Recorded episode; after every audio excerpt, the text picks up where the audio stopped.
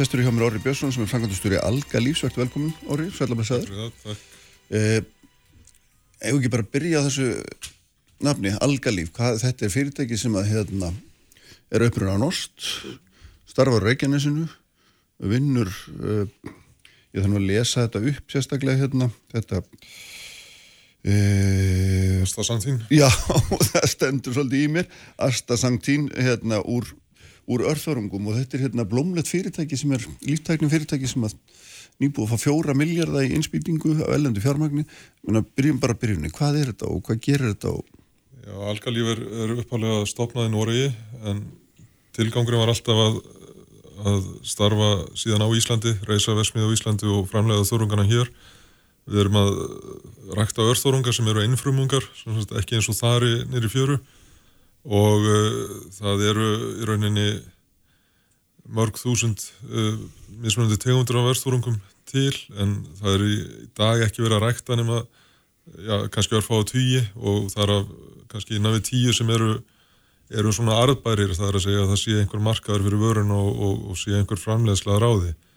Og okkar saga var svo bara við byrjuðum út í Noregi og, og hugmyndi var að rækta örþúranga og gera það innan hús á Íslandi að því að aðstæður hér eru mjög góðar og hérna fljóðlega komast við að því að, að, að svona einna gáðulegast að hugmyndin var svo að fara út í að, að rækta þörung sem heitir hematakokus pluvialis og, og býr til efni sem heitir astasantín. Astasantín er í grunninn litarefni og það, já, það þekkja það náttúrulega allir að því að það er litarefni sem að gerir lagsin bleikan.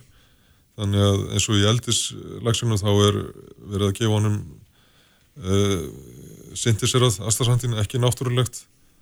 Það er verið að þess að kostnæðurinn er miklu miklu lægri við það en við erum að aftur á móta rækta okkar astasantín eða búa til fyrir fæðubátarefni og, og svoleiðis. En, en það er svona er meir og meiri er meir og meiri þreyfingar í að koma þessu inn í, í bæði fiskaldi og rækjueldi og svoleiðis að því að fólk vil fá náttúrulega efni inn og, og þar eru hugsaðlega mm. mögulegar fram á við mm -hmm. Þannig að maður getur líst þessu fyrirtæki sem hérna sem, sem þannig að það, það framleiði raun og veru sértæk efni sem að önnur fyrirtæki síðan kaupa til þess að þróa einhverjur loka vörur eða, eða hvernig svona Já, við, við, erum, við erum í rauninni bara ráðan af framlegandi og við vinnum náttúrulega mjög náið með okkar stærstu viðskiptavinnum og, og hérna okkar vörumerki er á þeirra umbúðum, þeir kaupa af okkur og setja þetta síðan í hilki venjulega sem eru bara svona eins og lísisperlur og, og selja síðan undir sínum vörumerkjum og mm. hérna þannig að það tekur svo litin tíma að komast inn í að, að, að hérna ná þessum stóru kunnum en eftir að við náðum inn að þá, þá faraður ekkit. Hvað, skilur þetta að spötu, hverjir er þessi stóru kunnar og hva, hvað er það í raun og veru sem þið eruð að selja þeim? Er þetta... Við, við, hérna, sagt, við ræktum þorungin og þegar hann er orðin, orðin þryggjaveikna gammal þá er uppskera þar sem við tökum hann úr kervunum okkar, framlýsli kervunum sem eru svona laung glerur, við erum einhverja 350 km glerurum í versmiðinu og við tökum hann úr kervónum, setjum hann í tanka og byrjum síðan að losa okkur við vatnið. Þetta er ennþá 99,5% vatn þegar, ræktunarferlinu loki þannig að við erum fyrst og hrunst að eiga við vatn. Þannig að einu uppskera hjá okkur er svona 50-60 kíló sem er ekki mikið og ásframlegslan er um 30 tónn núna, mm -hmm. verður 100 tónn eftir stekkun en það sem kemur út úr þessu síðan að við erum með til dæla hátt hlutfall á astasandin í þörungnum um það vil 5% hann er oljuleysanlegur eða astasantin er oljuleysanlegt og, og hérna við síðan draugum oljuna úr þörunum og tökum prótinin og öskuna og, og, og kólvetnin frá og úr þessu kemur þessi olja sem er síðan í raunin okkar söluvara sem mm. er bara með venilega 10% astasantin í Og þetta seljiði sko langstæstum hlutaskildis mér á þér bara hérna út um allan heim þar sé bara eitthvað brotabrót sem að fer hér á einlagsmarkað. Já, íslenski markaðurinn er náttúrulega mjög lítill og fámennur og, og hérna það er, ég myndi að halda að vera svona 99,5% sem fer út. Já, og hvert þá? Bandaríkin eru stærsti markaðurinn uh, Evrópa er nummer 2 mm. og svo sem betur fyrir er Kína loksins að koma inn og Asia almennt, við náðum bara í síðustu viku svona okkar stærsta samlingi í Kína og það er er mjög spennandi mm -hmm. það er náttúrulega gríðilega stór markaður og, og kannski er það já, þriðungur eða helmingur á heimsmarkanum er í Kína fyrir aðstafsendin þannig að, að við erum núna konum með, með eh, félaga þar sem að, sem að verðist ætla að verða mjög stór Já, hvað geði mér einhverja hugmyndum hvað umfang á svona samningi sem þeir eru að gera við?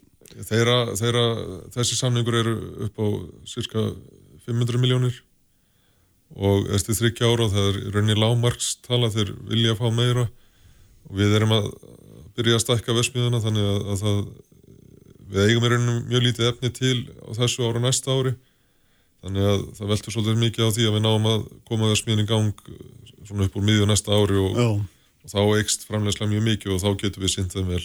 Þannig þeir eru rauninu verið búinir að selja allt sem þeir eigið og, og gott betur Já. og rauninu verið búin að selja stækkunar stækkurinni sjálf og sér líka. Við erum búin að selja mjög mikið af henni verið störa. Það, það er mikið aukning á fæðibótaræknum almennt og eins og í bandarækjunum og dreifingaræðalinn okkar þar, hann reikna með 50% aukning á þessu ári. Þannig að þetta er gríðalega hraður vöxtur núna og, og, og hefur í rauninni svolítið komið okkur óvart en, en mjög gott að því að við erum að stækka mjög hauslega. Já, en þetta astansín, er ég byrjið þetta rétt fram, ég veist þetta alltaf verið. Astasantín. Astasantín er, er, hérna, ég meina þetta er bara virðið þingdarsinu í gulli. Já, kílóið af, af hérna hreinu astasandin er svona nálegt miljón og við seljum 10% ólíu þannig að ef við tökum einn 10 kíló að dunga þá er það, þá er það miljón Já. og við erum eins og síðast ári veld við fyrsta skipti við miljardi við fórum í 1250 miljónur mm -hmm.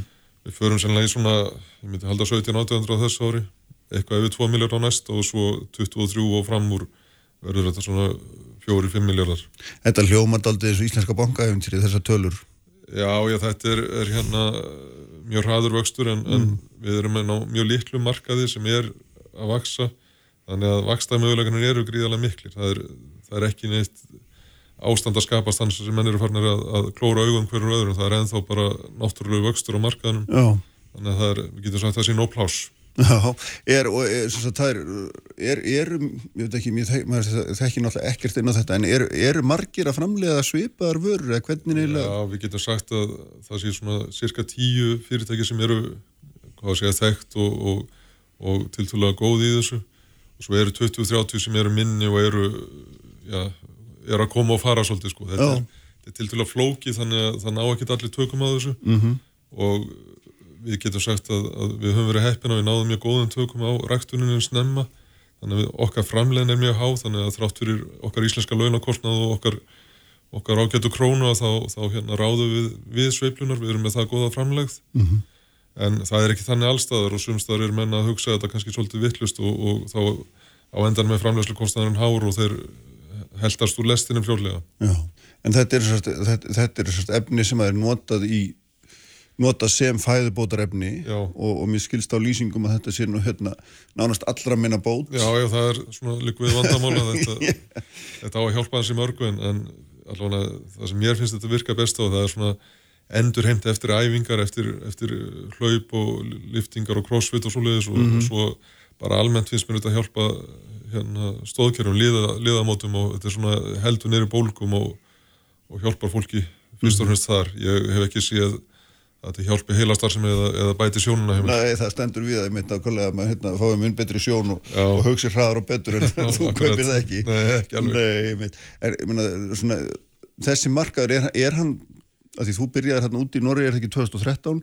Jú. Og ég myndi, er þetta mun eldra er þetta alveg nýtt eða hvernig? Nei, þetta er búið að vera í gangi, svona, við getum sagt í rúmlega 20 ára, mm. en, en óbúslega lítill markaður uppalega. Við töldum þannig að þegar við vorum að byrja í byrjun 2013 þá væri heims framlegslega á þessu náttúrulega aðstarsandinu kannski einhver 4-6 tonn við höldum að sé kannski 20-25 í dag og síðan vaksum einhver svona 15% ári mm. þannig að þetta er þetta er, það eru örfáar miljónum manna sem við vita af þessu og er að taka þetta en, en þetta þetta verist virka ákveðlega á marga og, og hérna þar með er þessi stöði og, og góði vöxtur á á sölunni. Mm -hmm. Og er þetta byggt á þessi, þessi virkni, er hún, er hún bara bygg, byggð á svona sögum fólks eða er, er búið að rannsaka þetta fram og tilbaka? Hvernig... Já, það eru er talsverðar rannsóknar baki mm -hmm. en, en það er ekki svona það sem við kallaðum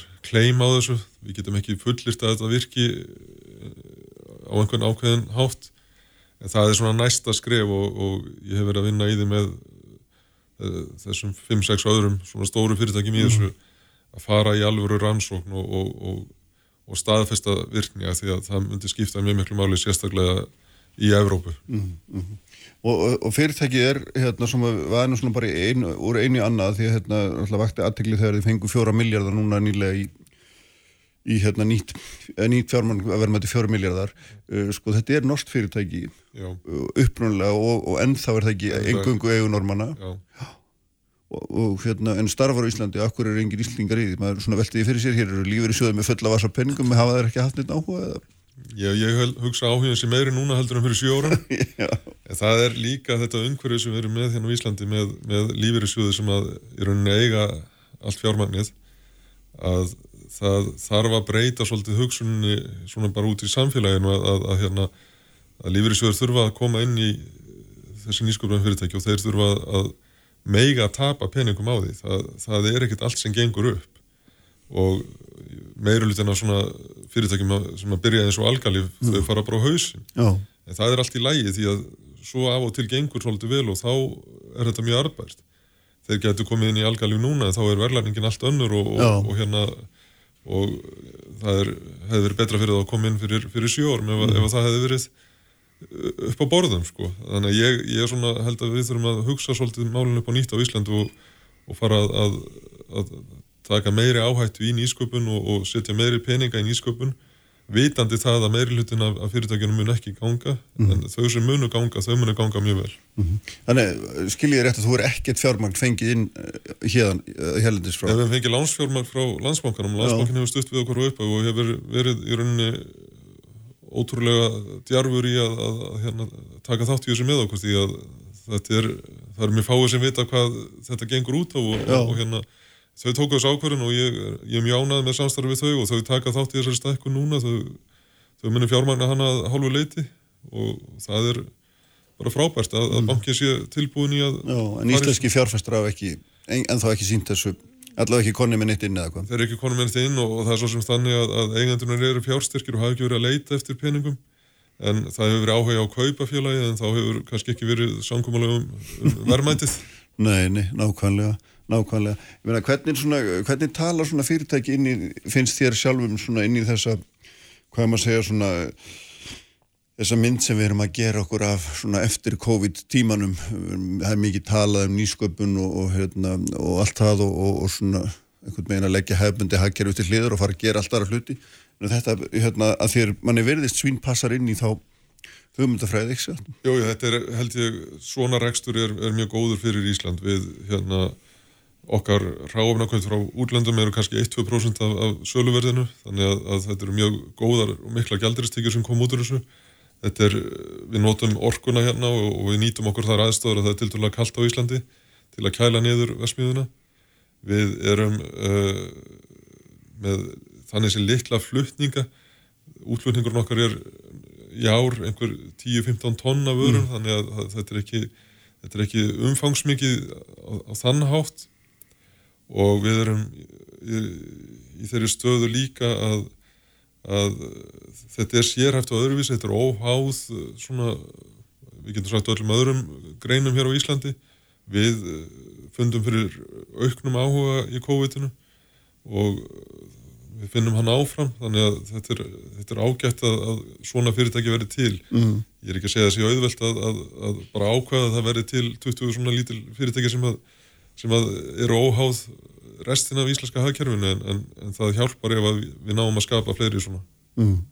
Ég eru að því þegar maður fyrir að lesa um þessa þörunga hérna, og virkni þeirra þá ser maður nú hérna, ser maður jável greinar um að þessi líkillina sko lofslagsmálum og líkillina matvaraframlöslu og og jáfnveil hérna, eldsnettisframlegslu framtíðarinnar, ég meina, er, er í þessu einhverju svona gríðalegi möguleikar sem að mannkynni hefur ekki komið auða á fyrir en bara síðust árum eða eitthvað? Já, það eru mjög miklu möguleikar og, og, og þörungar eru svona það er engin hvað að segja lífveru flokkur sem framleiði meira af súrefni heldur en þörungar, þeir framleiði miklu meira súrefni heldur en, heldur en uh, Amazon skóurinn og svo leiðis og þeir náttúrulega stækka mjög hratt þannig að lífmassin sem kemur út úr þessu gríðarlega mikill á hverjum degi og þetta er þannig sem undir staðan undir lífinu, það eru, eru örþórungast því að mm. þeir, þeir fæða min, minni lífurur og, og sem eru síðan fæða fyrir þær stærri og þannig eh, virkar kæðjan upp á við, við erum að fara þannig inn í þetta svolítið snemma og, og hérna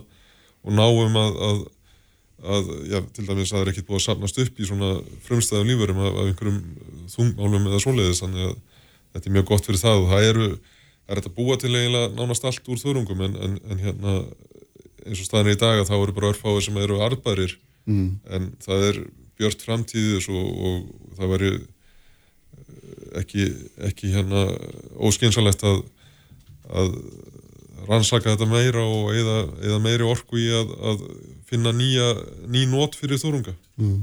Það eru náttúrulega einhver önnur fyrirtæki í Hirlandis, er það ekki hérna upp á helliseiði og einhver fleiri vandalega sem eru að, í svona svipari starfsemi eða einhverju tengdri starfsemi? Já, þetta eru, þetta eru að verða cirka tíu fyrirtæki og, og, hérna, og þau eru sem betur fyrir flesta miða við dýra afurð af því að við getum ekki framleitt, eh, þú veist að tala um, um, um biodísil og svoleiði, sko, það er ekki hægt á Íslandi en, en ef þú ert með dýravöru þá eigum við goða möguleika, við mm. getum verið með goða framleiðinu og, og, og, hérna, og skilirinn hér eru hagstæð.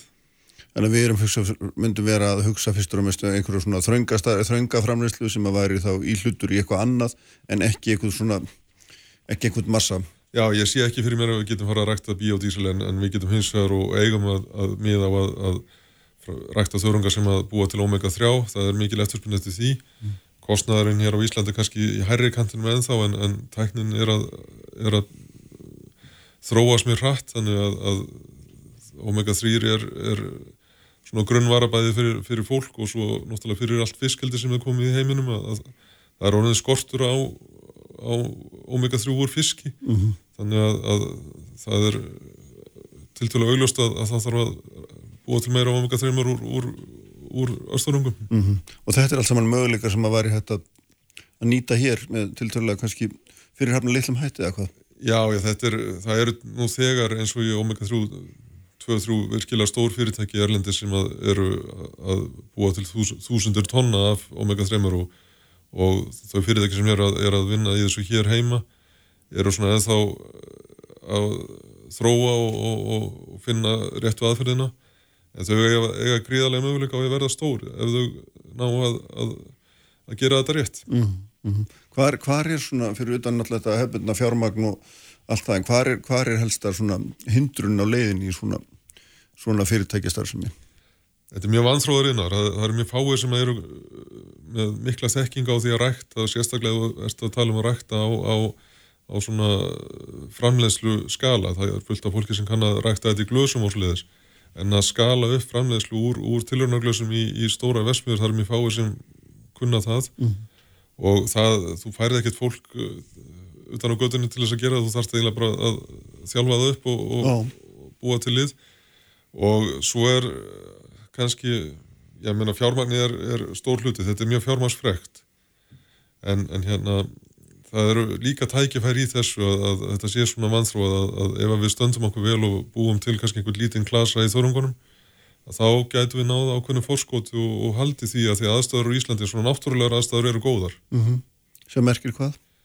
Það er til dæmis að hérna, þörungurinn okkar þrýst best í 25-30 gráðum þörungar sem að lifa í náttúrun hér eru kannski vanari 0-10 og þeir þrýfast ekkert vel í kerfunum okkar því að nú náum við ekkert að halda þessum kerfum okkar alveg lokuð þannig að það kemur alltaf einhver annað þörungur inn og þetta er svona hlutur sem að skiptir verulega miklu máli því að sumur okkar keppinu eru til dæmis á Hawaii eða í, í hlýri hlutum Kína mm -hmm. þar sem er bara þúsundur lífara sem að komast inn í kerfið þeir og þá fer framleginni niður þetta er eins og kannski að fá arfa í túnið hjá þér eða, já, já. þannig að þú veist ekki að rækta græs þú veist alltaf að rækta arfa Já, en hvers konar svona, ég meina, að því menn tala mikið um einmitt í þessu samhengi með nýsköpun og hérna svona horfa til nýra aðunugreina, þá er mikið talað um menturinn að þetta er því samhengi, hvers konar svona samsetninga fólki er í svona fyrirtæki eins og þessu og þér? Það er náttúrulega mjög mikið að fólki hann með lífræði grunn og, og, og líka efnafræði því að við, erum, við rekum til dæla öflutt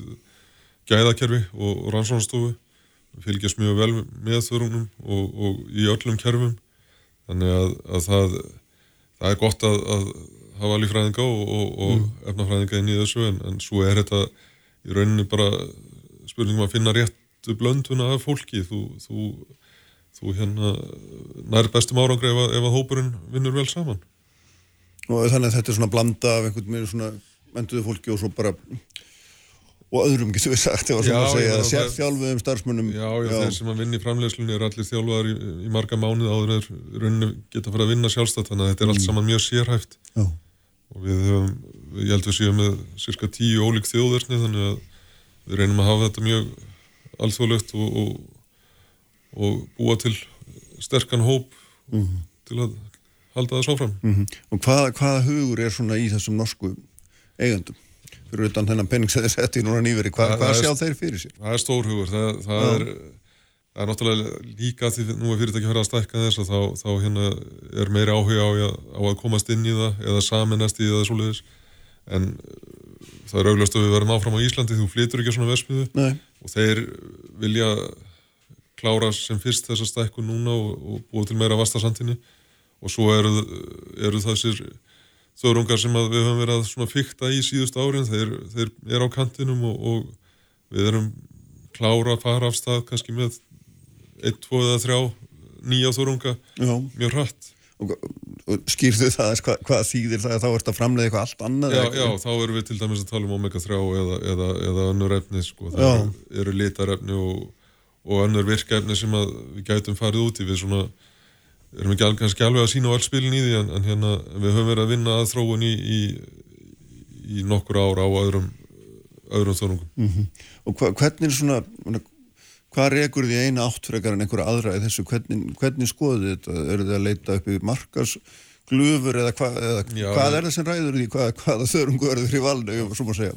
Fyrst og fremst viljum við, viljum við að þetta sé eitthvað sem virkar mm. og, og, og gera eitthvað fyrir fólk eða, eða eða það sem það á að nota það í öðru lagi þá viljum við að sé sæmilugur markaður þannig að við séum ekki að búa til nýja marka því að það tekur bara 10-20 ár. Og í þriðalagi viljum við að vara sér dýr til þess að, og frekar erfið í framlegslu þannig að við höfum ákveðið fórskótt hér á Íslandi. Við, við, við getum ekki kæft ef við tölum til dæmis um spírólína sem er frekar einföld ræktun að við getum aldrei kæft við Indland eða Kína í því, það verður bara alltaf ótrúar þar að því að þú getur gert það bara út í tjörn og, og, og það gengur bara mjög vel þannig að mm. það er engin glóra í því fyrir okkur að vera að reymbast við eitthvað sem að mun kosta tíu svona meira mm. Mm.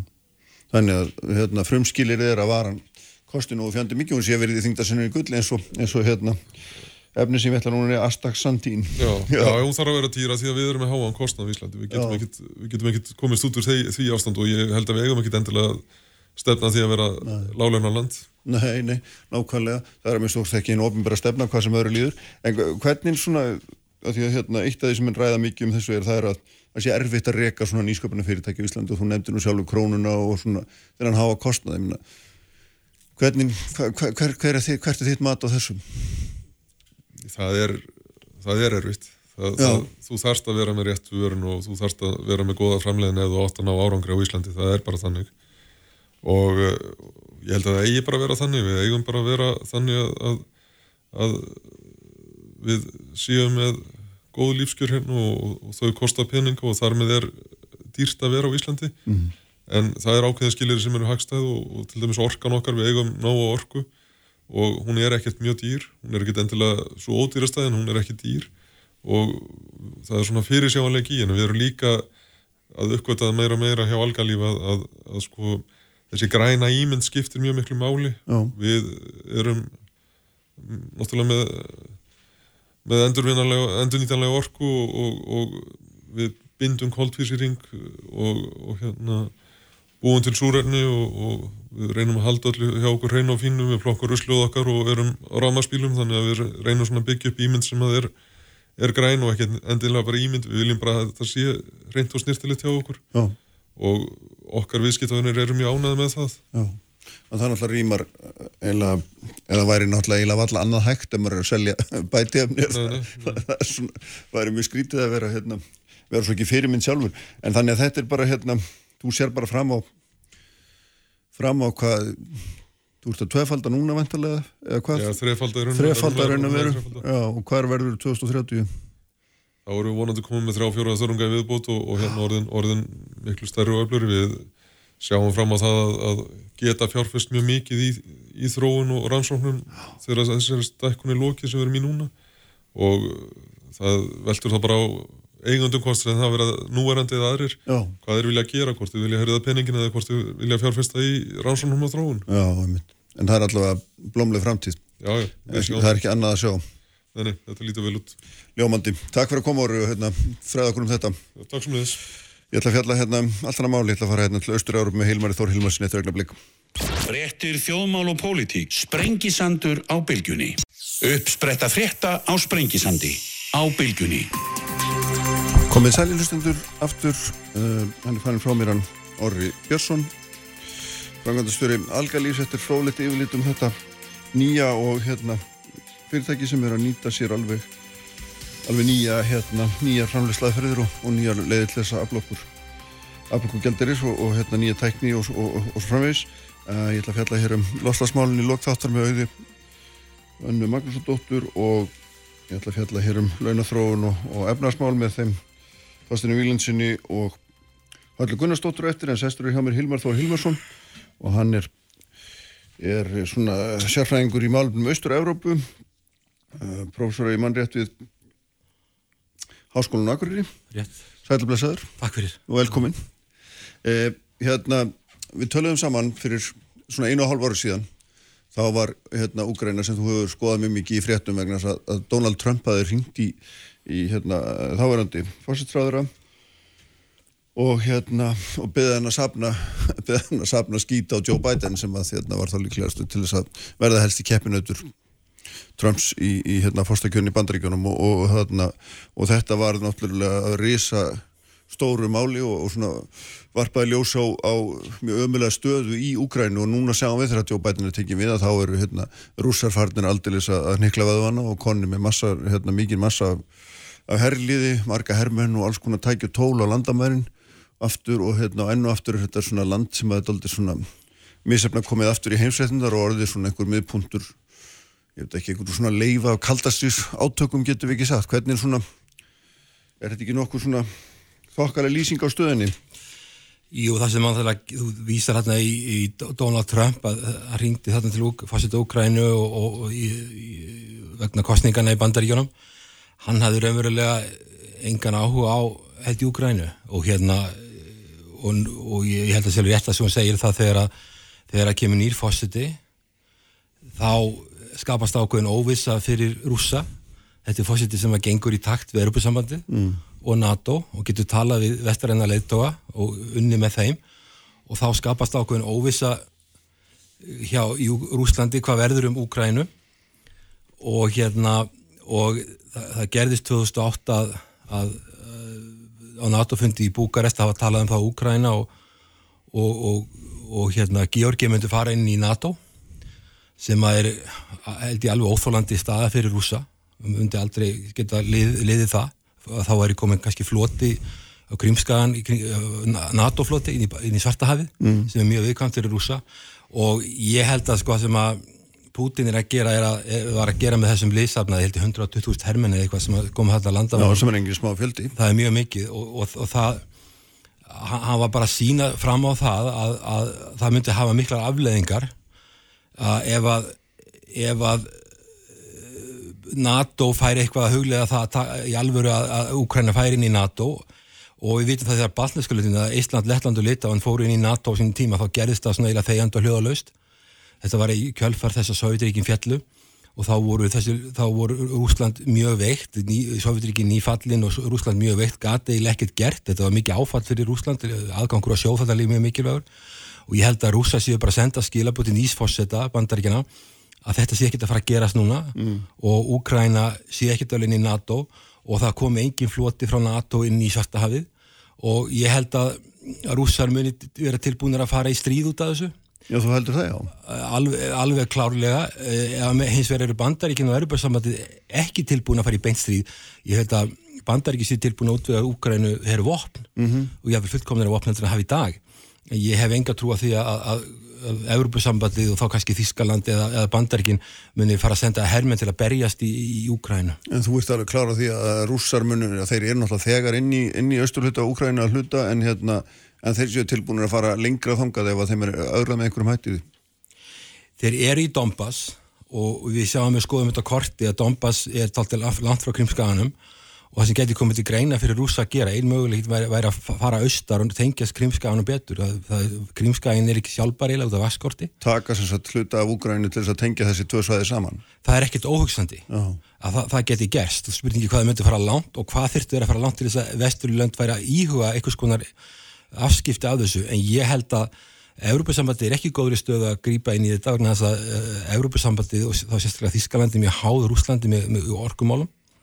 og það myndi skapa erfileika þess vegna hefur, hefur Merkel og þjóðverðar hefur sakar fyrir að vilja tala en ger ekki neitt. Mm. og bandaríkin hafi ekki beitna hagsmun að gæta og aðal vandamál bandaríkjana er ekki Rúsland eða Ukræn, aðal vandamál bandaríkjana er Kína South China Sea, East China Sea, það er það svæði sem er vandvál fyrir bandaríkinn, mm. þannig að bandaríkinn eru upptekinn þar og það er alltaf sérstaklega að bandaríkinn skuli vera að standa í, í, í, í átökum við rúsa þegar þau eru umverulega, þörf á samfunni við rúsa. Mm -hmm. Þannig að þarna, já, en, þetta er samt svona, ég held að maður, maður þarf ekki að lesa langt í gegnum svona umfjöldunum þetta mál til þess að átta sig að þetta, þetta, þessi staðarni graf alvarleg, menn þetta er rísa her eins og nefnir og, og það er náttúrulega mjög stutt síðan að og það er nú svona, það nýjast í európsku sögu af, af hérna innráð sem er náttúrulega þegar rússar tókuðu krímskaðan og, og þarna, þannig að menn sjá þannig við hendi sér að þeir, þeir nú ekki hérna, eh, þeir veigra sér ekkit við að fara alla leið ef þess er þörf að þeirra mati. Þeir eru til dæmis að ganga mjög langt í að verja sína hagsmunni en, en það eru, eru þeir mjög miklir þarna og, og en á meðan eh, þetta er sjálfhælda fyrir Úkrænu að, að fara að bjóða Úkrænu inn í NATO þetta var gert í Búkarest 2008 þá voru Európa-löndin held ég á mótið eins og Þískaland vissu þetta, myndi, þetta geti ekki gerst með mm. góðu móti vissu að rússar myndi ekki líða þetta. Bandar ekki menn vildu þetta. Þá var alveg ljóst að landi myndi lendi í sjálfheldu og, og við sjáum að hvað þetta er búið að fara ítla með landi 91 þegar þegar Úkræna verður sjálfstæð þá er hún verka landsframleysla mann að hærri heldur um Póland Núna eru, eru verk landsframleyslega sem mæli hverja tekjur, meðaltekjur einn þriðji af því sem er í Pólandi. Uh -huh. Á sama tíma hefur, hefur Úgræna mist tíu miljónir manna og þetta er aðalega yngst og besta mentaða fólki sem fer, fer, fer vestur, lend, fer til Póluna sem ykkur leitu, kannski í, vil enda í Þískalandi. Þetta er yngst, yngst og best mentaða fólki, þetta er tíu miljónir manna, þetta er stór, landið var 52 miljónir, núna 40, 42 miljónir og, og mikil pólitísk óvissa og óöryggi sem því það, það verður ekki fjárfesting í landinu. Mm. þannig að sko að þetta að hafa fara undir fóti með þetta þegar að vita alveg og Evrópu þjóðuna vissu þetta myndi geta þetta mjög erfitt mál að fara að bjóða Úkrænu og Georgiu þarna inn var, var mistök og þá er alltaf spurningi hver er leiðin út úr þessu. Ég held að rúsa sér tilbúin að beita mikill hörku þarna. Á meðan að hinn hin, hin, eh, meðan að NATO, Bandaríkin, Európa-samvætið uh, telja þetta mikilvægt en, en held ég að séu ekki tilbúin að beita sömu hörku og hérna og, og, og Rúsland, þannig að, að, að þetta er náttúrulega eh, afskaplega slæm staða. Svo náttúrulega auðvitað er Úkræna líka að hluta til uh, ábyrg fyrir þessu sjálfu, menn að það hefur ekki gengið mjög illa að, nútíma væða hægkerfið það er, það, er, það er mikil spilling og stjórnkerfið er veikt domstólakerfið virkar ekki og hérna uh, þrýr ríkustu menn Úkrænis og óligars af, af, af nokkur, nokkurum mm. eiga eignir sem nefnir 6% af verkefni landsfremlislu samanbyrðið við Póland þá er, er, er, er það 1% þannig að eignadreifing og tekjudreifing er alveg gríðala ójöfn og ósamstæði í, í samfélaginu þannig að, að það skapar ákveðin vandamál en það sem skiptir máli fyrir Úkrænu er að, er að, er að, ég myndi halda að draga sig út úr þessari hugmynd að við hægum í NATO og erbjörnsamöndi allavega til skamstíma liti reyna að semja við rúsa um frið þannig að Rúsland virði landamæri hérna Úkrænu og á, á móti fái landið aðstótt með alþjóðabankast meira alþjóðagjaldir í sjóðsins Evrópusambassins, mm -hmm. uh, fjárfestingabanka Evrópu og svo framvegs og, og fullan aðganga samiðilegu markaði Európa-sambansins þetta og, og líka, það sem hefur líka verið gert er það að Úkrænumenn geta ferðast núna til Európa-sambandslanda eða inn á sjenginsveið án áritunar að þar var einn að skapa að nákvæm stöðuleika oh. til þess að landi geti ná sér á stryk oh. núverandi aðstæður eru ekki að skapa þau skilirði og við vitum líka að landið er klófið að það er hérna það er sko, austurlutin vil tengjast meira Rúslandi og vesturlutin vil tengjast meira Európa-sambandinu og NATO. Og þegar þú ert ekki með, í Pólandi var hins vegar samstað um, um, um að fara í Európa-sambandi er enda að taka ekki upp efruðuna en þarna er engin, er engin samstaða. Mm. og hagvöstur er svo hægur rétt fyrir ára en COVID-krísan kom upp þá var staðan þannig að, að með hagvöstur myndi taka Úkrænu 50 ára ná Pólandi verkefni landsfjármæslu Þú veist að lýsa þarna 30 árum frá 91 til, til dagsins í dagar sem bara eiginlega glötuðum árum, er það ekki? Jú, já það kom hann það kom fyrir hrunni 2008 tímabild, eitthvað 10 ára tímabild það sem hagvöstu var eitthvað 10% mm. sem að þá tvöfaldast hagkerfi eða 7%, tvöfaldast hagkerfi stærð á, á, á þeim tíma en svo hafa komið þarna ábústlega mikla niðursöflur það kom þarna mikil gríðarlega niðursöfla hérna í, í hrunni 2008 nýju en síðan í kjölfar þessa krímskæðin var tekin kom ennþá dýbri niður söfla uh -huh. sem var, var mjög erfið fyrir landið. En hvað heldur Hilmar ef að, ef að, hérna, ef að þetta svona e, fer nú allt þannig að hérna, rúsarnir niklan og veðum ennþá meira? Við, við, við vitum það að í svona, þessi 30 ára saga segir okkur það að að raunveru er mestur á í Európa því að varðveita þessar gas- og oljuleyslu sem líka hann að þurfti gegnum Úgrænu en það er lítill, lítill áhuga því að venda, venda almenning. Er það ekki, er það ekki raunveru bara svona niðurstaðan sem maður getur reyðið þessu? Ég, ég held að, að lönd, það eru mörg lönd sem hafa samúð með Úgrænu og vilja hjálpa Úgrænu ekki síst Póland en staða Európa-sambansins til þess að gera þetta er mjög erfið. Þess vegna þegar aðilinn sem er á móti beitir mikill hörku. Og hérna þannig að, að, að e, ég, ég held að því að við viljum til að aðstóða landið en, en það er bara e, það hefur sköpuð þannig skilir því spennu sem er ekki alveg augljóslega augljós hvernig á að leysa. En hvað, sko að maður hérna, reynir nú að spá í þessi hérna, þessi, þessi torraðu spil sem að Pútin heldur framann í heimin að þá ser maður kannski að hann er hans svona senustu ár hafa fyrst og fremst farið í að verja sín eigin hérna, feril, verja sjálfan sig. Og, og hérna, er, er hann ekki, er þetta ekki bara einhver svona, er þetta ekki bara einhver sko síndarveruleiki hjá honum að, að flytja allar þess að hermin, er hann ekki bara svona að segja segja eitthvað en, en hérna, en er ætlað sér kannski ekki mikið eða eitthvað Mér, mér finnst það líklegt að sko, ég, sko hann, hann náttúrulega, ég, ég held að Putin meti stöðuna þannig að, að, að bandaríkjumenn og Erbjörnsbyrti fari ekki hörku að það, hann geti sapna land, haldi pressuna á Úgrænu áfram og, og, og hérna og haldi áfram að áreita Donbass og náttúrulega búin að taka Krímskaðan en ég held svo líka annað þess að vinsættir Putin í Rúslandi eftir sem ég skilst er fara minkandi og ein leiðin til að ná vinsældum fyrir leiðtóa sem er ekki að ná miklum árangri því að Rúslandi er eitthvað mikil pressu. Rúsland er bara eh, nánast hakkerfið er nánast enga olí og gas eða langstæðstu þegar þú ert með slæm spil og hendinu efnaðslega eh, gengur ekkit vel þá er hérna ein leiðin til þess að afla vinsælda er að sína styrk og, og koma á stað milliríkja deilum og mm. ná samstöðu í, í Rúslandi á þann hátt. Og ég held að það, sé hluti af það sé verið að spila á það núna. Það sé hluti, hluti af, af, af þessum leik. Þegar maður sittur hérna upp á Íslandi og þá veldur maður fyrir sér akkur en maður meina, velta fyrir sér landa þannig að lengst í austri komaði maður eitthvað við? En auðvitað hefur þetta einhver svona áhrif í víðara samhengi ef að ef að þetta þróast allt eh, svona illa eins og, eins og mjög margt bendir til í augnablikinu Það hjálpar ekkit Evrópu ef að stórt land eh, er í algjörði stöðnun. Póland til dæmis er álíka stórt land í fólksfjölda, lega landsins og stærð. Þetta skiptir máli fyrir Evrópu, þannig ef að það væri eftir að ná þarna upp góðum hagvexti og upp í efnasuppbyggingu, þá myndi það skipta máli fyrir alla Evrópu.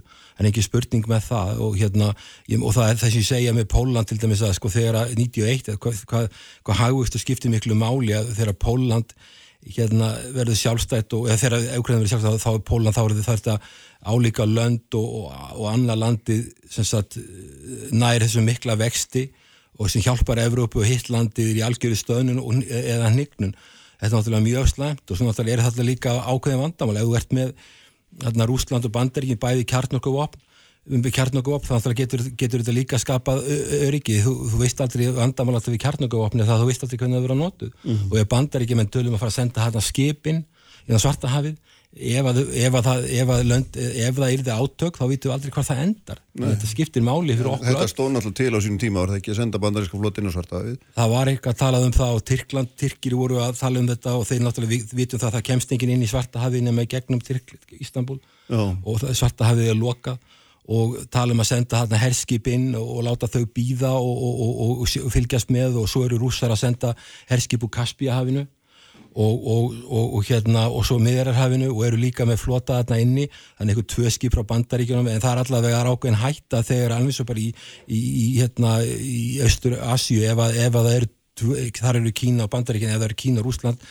að takast á eða verði eitthvað slís eða miskilingur þá er náttúrulega alltaf hætta þegar að tött kjarnokuvefni, kjarnokuveldi eru, eru á stanum. Já, þannig að þetta er svona, svona söðu potur sem þú vart að lýsa þarna í, í svona Uh, hérna í kringum svartahæði raun og verið því svo er náttúrulega líka Tyrkir og Erdogan og Putin eru hérna að mann er skilst hérna miklu félagar miklu gagkvæmir aðdáðundur hvors annars og svona stjórnarhátta þannig að það er einhver, einhver þráður á milli ekki satt?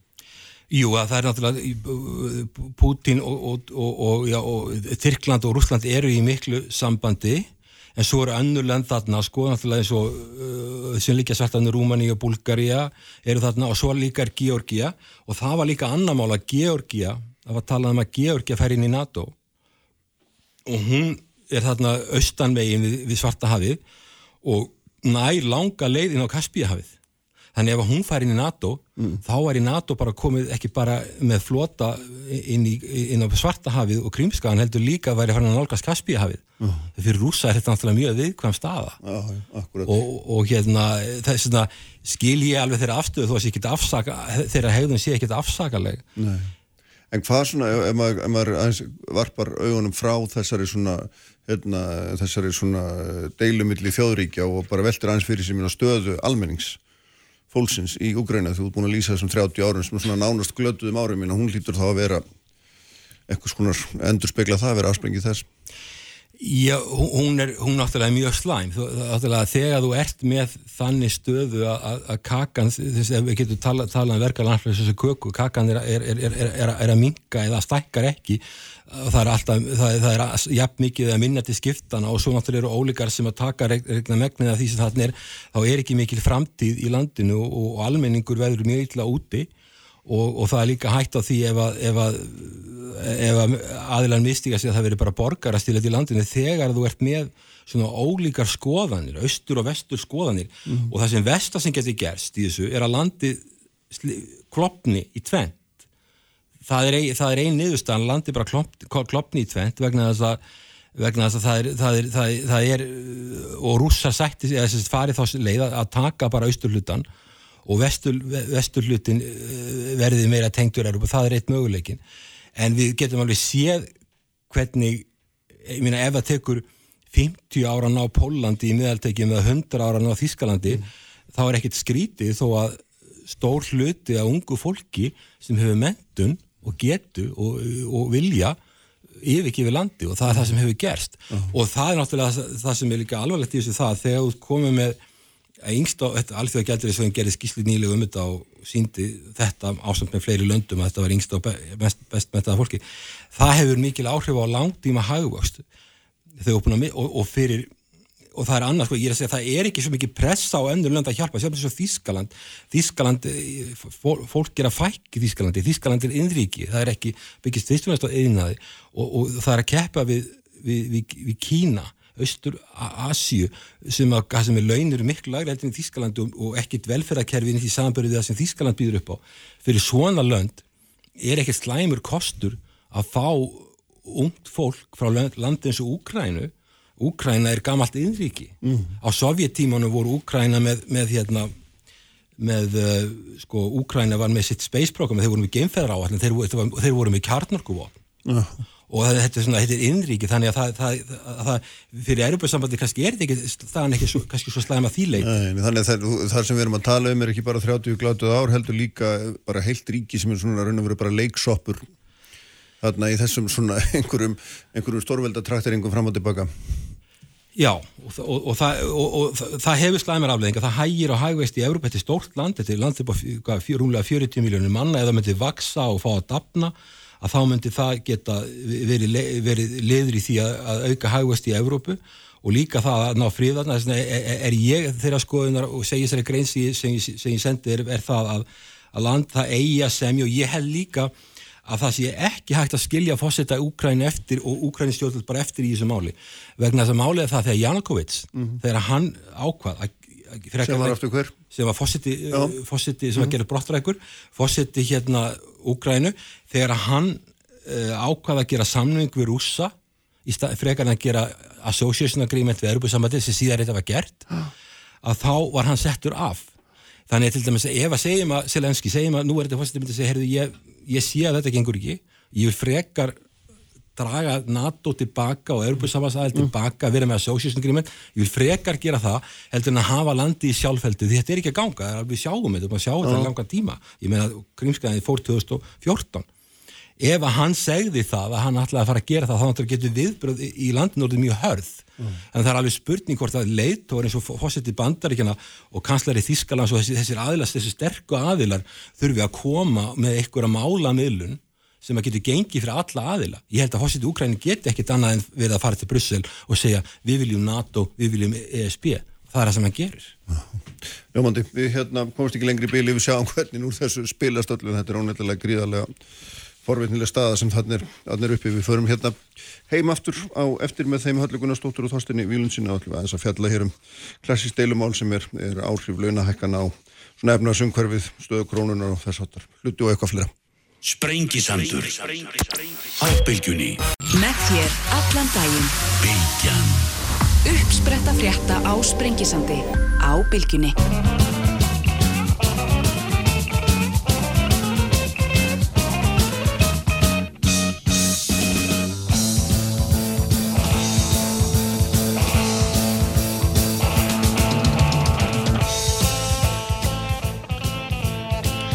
Sælir aftur hlustendur, Hilmar Þór Hilmarsson farin frá mér eftir frólega yfirferðum stöðuna þessum í Úgrænu sem er einhvern veginn klemt hérna í austri og hérna komin í algjör og sjálfheldu bæði efnaðslega og pólitíst merkileg staða sem er, er þar uppi og merkileg þróun sem er að verða og grænlega náttúrulega verður að segjast eins og, eins og er. Uh, ég ætla að fara hér heim aftur eins og ég saði að Þorstein Víglundsson er með okkur hér í síma. Þorstein Sælablessaður Jú, sæl. Og Halla Gunnarsdóttir sem er fangandistur í Alþjóðsambandsins er hérna hjá mér, sælu blessuð, velkomin. Því hafið aðeins verið að skiptast á skeitum hérna, um, um það hversu mikil áhrif launahækkanir hafa svona á samkjöfnishefni íslenskra fyrirtækja uh, efnastróun og svo framvegist þú, þú ert hérna hefur svona, þetta, oft farið yfir þetta áður hérna með þér að hérna þú, þú ert þeirra skoðunar að, að svona launahækkanir umfram framleiðinni e, valdi okkur miklu vanda. Veiki stöðu krónunar og hérna, veiki stöðu fyrirtækjana farði yfir þetta í örstutum áli á hérna Hallarsvaraðeg síðan um það. Já og uh, þetta er náttúrulega ekki bara einhver mín skoðun. Þetta er, þetta er bara vinnumarkashækfæði í, í grunninn og, og hefur ítrekka verið bent á í skýslum til okkar bæði frá OECD alþjóða kjaldfyrirsjónum, Sælabankin hefur verið að benda á þetta. Við höfum fengið sérfæðinga hingað upp. Uh, sem að hafa bent okkur á hvað sé veikleika íslenska vinnumarkaslíkansins hvað þetta varðar, til dæmis í samanförðu við hinn Norðurlöndin. Uh, sjálfur skrifaði ég meistararriðgerð og vann tölurverðar ansókn á uh, samhengi þá launahækkana hér undan þeim 30 ár og einmitt verðbúrku gengistróðunar og þetta ber alltaf sama brunni þar að segja að launahækkanir umfram þá framleginu á hverju ári eru verðbúrka og spurningin er þá bara hvernig stendur á því að við eh, erum hér með ja, meðaltæli tviðsessunum hærri launahækkanir ári á þessu tímabili, á þessu 30 ára tímabili sem að boru við Norðurlöndin. Eh, tviðsessunum hærri verðbólku og gengi sem hefur verið helmingast. Þetta mm. hefur algjörlega þróast í raun og verið í takt við þessi, þessa vinnumarkas hægfræði en við setjum alltaf áfram uppi með já, þá förðulegu stöðu að mér finnst að, að að verkefælisfórust að einfallega neytar það sem ég hefði kalla bara þessum staðirendum, þessum uh, þáttum sem að, að ítrekkaði verið að benda okkur á að uh, sérfræðingum úr öllum áttum. Og eins og sælabankastjóri orðaði það ágætlega í viðtali í bítinu í vikunni við klóðum eitthvað hlut að vegna að hafa okkur eins og palli sem var einn í heiminum. Uh, eins og þessi lögumál gild ekki hér. Halla, það, það er hérna sko, hann segir, Þorstein sagði viðtali í sýstu viku í, í fréttablaðinu hérna að þið varu svona, þetta, ykkar afstæði var eins og hafna þingdalögmálunu og hérna þið varu svo, þið varu á svo skakri leið Já, það er nú kannski helst það sem að atti mér út á ryttullinu. Mér finnst hérna, uh, og þetta er hann gert áður, þetta hann líka síðasta haust þegar hann uh, kom fram með lífs, þar segja sem er þið, ef að lífskjara samningarnir myndu halda. Þá veitnaði líka í sólmiðukenninguna, satt í kastljósi og saði hún snýst nú samt, mm. uh, eins og Galileo sjálfur. Og uh, þarna er hann náttúrulega ala á mjög svona uh, gamalli bábílju um að hagfræði sé einhvers konar raunvísindi. Uh, lúti sömu lögmálum bara á eðlisfræðin sennilega og það er ránt og, uh, og þetta er bara ljótt áróðusbrakt að mínum mati og hérna uh, og til dæmis þessir þættir sem að uh, þóstu dregur fram þessi tengsl á milli launa og verbulgu um þetta er bara mjög frjó umræða á alþjóða vettvangi uh, það er bara deilt mikið um það hver þessi tengsl eru. Það sem er samhljómur um er að verbulga er flóki fyrirbæri og það eru margir þættir sem að hafa áhrif á hana. Og að bjóða íslenskum almenningi upp á þannan málflutning að launa hækkanir einar og sér valdi gengisóstöðuleika á Íslandi, valdi verbulgu á Íslandi. Mér finnst það eiginlega bara fyrir neðan allar hellur. Og mála það síðan upp eins og sjálf þingdarlegumóli sé að ræða uh, það finnst mér bara ekki ganga í uh, almennur umræði Þannig að hins vegar finnst mér alveg að með að hafa þessar skoðanir sínar og hefur fyllilega rétt á sínu skoðanum og setja þær fram en hann hefur ekki rétt á sínu staðrendum og hérna eða það er að segja að búa til sínu reygin staðrendir. Þannig að það er nú svona það sem að uh, setti mig að stað til að, til að byrja með að, að bregðast við þessum fullirðingum. Já, Þorstein Já, þetta eru náttúrulega bara eh, enn og aftur það sama. Það er yfirleitt bara farið í það að skjóta þá sendi bóðan frekar heldur en að, að ræða á, á málefnilegum grundum. Því ég auglýsi þá eftir þessari frjóu umræðu því að, að eins og ég segi, Alþjóða Gjaldeirisjóðurinn gerði hér nýlega úttekst og skýslu þess að maður dæmti á þessa sömu veikleika í, í vinnumarkanum. Uh, Alþjóða efnaðarstofnunin eða OECD hefur ítrekka gert það líka í skýslum sínum um Ísland. Sælabankin hefur ítrekkað varað við þessu samhengi og sagt að ítrekkað Sælabankastjóri nú síðast í vikunni í viðtali að, að Sælabankin séu þetta tilnættur til þess að bregðast við ef að launa hækkanir fara fram úr því sem að, að, þessi hækjari fólir á hverjum tíma sem að valda þá verðbólgu. E, þetta er ekki mínar skoðanir eða mínar staðrindir. Þetta hefur verið ítrekkað verið síkt fram á í hagfræði rannsókn eftir hagfræði rannsókn eftir hagfræði rannsókn. Verkefnisefingin verður þá að gera betur. Ef að hún ein verkefnisefing á Norðurlandunum hafnar þessu og sína þá fram á í hverju hinn hin íslenska sérstafa liggur. Því að við höfum reynt þetta reyndum þetta fyrir þjóðarsátt og það fór mjög ítla en jafnvel eftir þjóðarsátt hafa laun hér hækkað að jafnaði um 6,5% á ári þegar talaður um ja, þetta þryggja til 4% að flygur um annar staðar á Norðurlandunum Kaupmáttaraukningin okkar er ekkert meiri yfir þetta 30 ára tímabil heldur en hinn á Norðurlandunum Nei, en þú hafnar því nú ekki Þorstein er það, Það hefur bara komið fram í genglisar já, en þetta er náttúrulega, er, er það ekki alveg rétt í höllu, þetta er nú kannski flóknara fyrirbrið en svo að þetta bara hérna, horfa á launa breytingar einar og sér. Ef að þú einangrar uh, laun í uh, hægkerfun okkar sem slík það sem að, að þetta fyrirtæki almenningur er að kaupa þjónustu hvert af öðru launa þátturinn hlæðist ansið mikið upp. Þannig að þegar á heldina litið eru launa summan í landinu þetta er 65% af landsframleyslokkar 60 til 65% það gefur auðarleið að hækkanir á þeim launum hljóta að hafa verulega áhrif á verðlagi þessu hækjari og það er það sem að allar ansóknir sem ég hef skoðað sem ég hef unnið sjálfur sína allar staðhæfingar þessara sérfræðingar sem að ítrekka þeirra bend okkur á þennan sama veikleika segja þetta sama launahækkanir umfram þetta sveigurum koma fram í verðbólgu og verðbólga hér á landi umfram verðbólgu í nákvæmlega landum okkar þýðir á endanum að það verður ekki leiðritt öðruvísi heldur en með gengisællingu.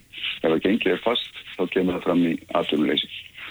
Og þetta hefur við íþekkar reynd í raun. Mm. Og ég, það er, þetta er alveg sammála því, hagfræði er ekki raun vísindi. En það eru samt undirlikjandi lögmáli í hagfræðinni sem að einfallega eru marg sönnu og, og, og, og sannveind og þetta er eitt þeirra. Og ég á dálitið erfitt með að skilja þessa afstöðu verkefæliseyfingarinnar. Verkefæliseyfingin samtlíktu þetta á sínum tíma í aðdæðanda þjóðsáttarinnar en hefur í setja tíð hafnað þessu algjörlega. Hvers vegna hafið hafnað þessu? Hva, hvaða, hérna, hvað er það sem veldur því að það er svona, svona mikið sérstæði hér og þetta virkar ekki hér? Sko fyrsta lagi það þýðir ekki að uh, stíga fram og segja það sem ég segir þingdalögmálið og þau eru óábyrg að svara því ekki og kalla mm. síðan eftir málefnalega umræði. Mm -hmm. Því að það er bara ómálefnalega byrjun á hvaða umræði sem er. En það er, bara, uh, það er ekki bara ég. Uh, jú, það er hægt nefnilega bara þú, allavega hér í uh, einlendur umræði, þá er þetta svona uh, þitt helsta innlegg að þitt framlag jafngildi þingdalögmálni. En gott og vel, förum aðeins í, efnisatriðin. Og ég hef nú litið yfir þessa mastersrit Gerhans Þorstein sem eru margt fróðulega ágætt og, og vísaði, vísaði hérna, meðalannaskreininga sem aðeins ég hef gert og aðrir.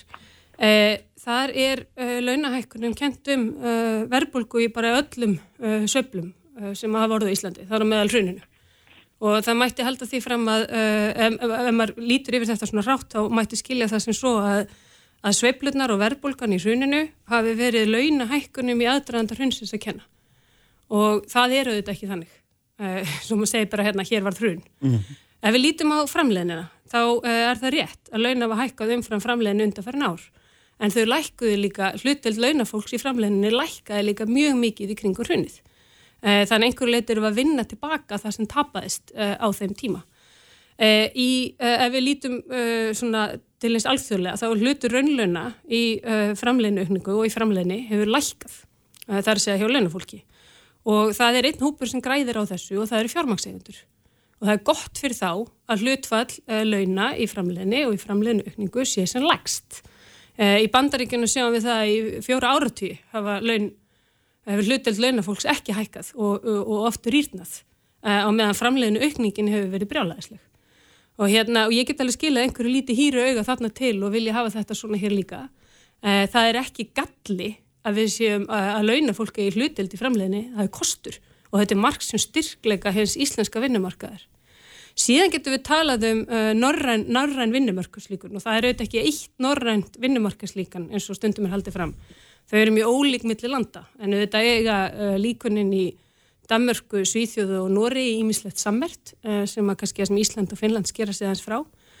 Uh, en eitt sem að þessi lönd eiga líka sammeilegt er að þessi líkun þau fæðast út úr áratöga uppbyggingu mjög sterkara velferðarkerfa.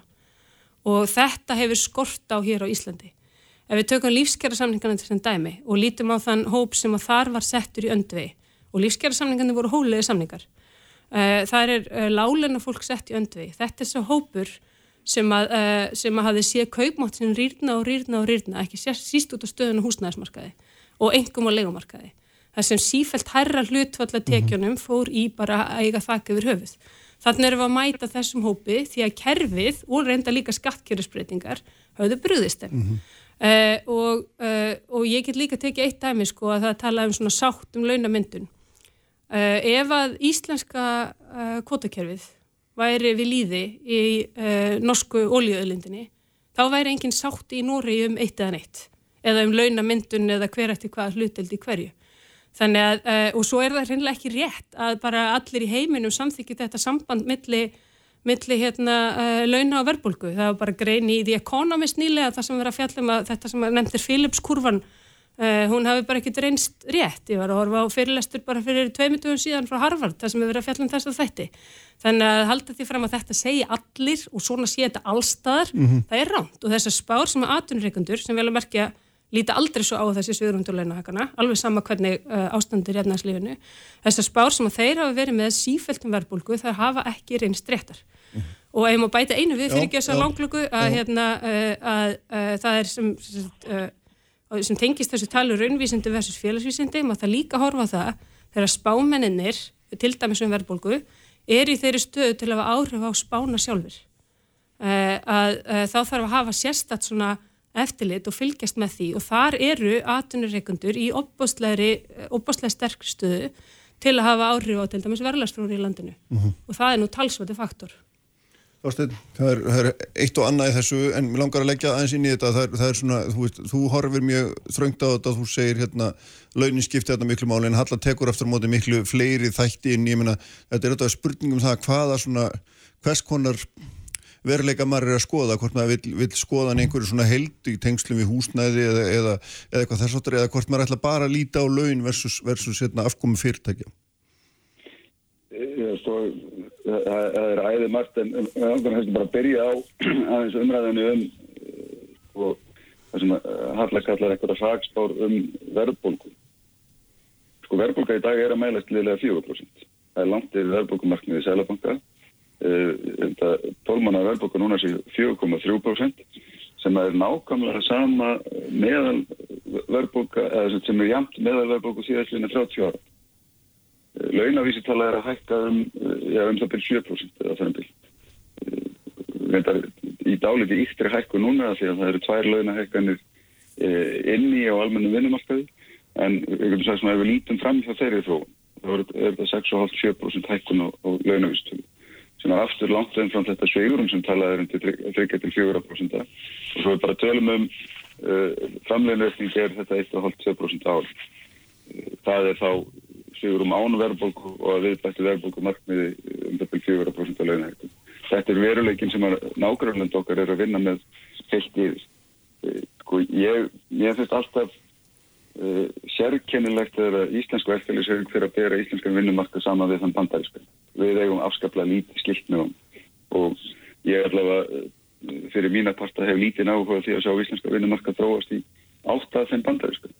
Verkefælisauðing er námast ekki til staðar réttindi lönnþega eru, eru hverfandi lítil uh, og að tala um uh, hugmyndathróun í kringum bandariska veruleikan ábar ekkit erindi þér. Við erum að vinna í þessu norðuna líkani þar sem að velferðarstíð er almennt mjög hátt. Kveitmáttarstíð í alþjóðlegu samviki er almennt mjög hátt. Við skorum í topp tíu á öllum velferðarmælikvörðum. Þetta er það umhverfi, það, það velferðarkerfi og samfélag sem við höfum öll verið sammálum að við viljum byggja upp og búa í og hefur skilað miklu máinni.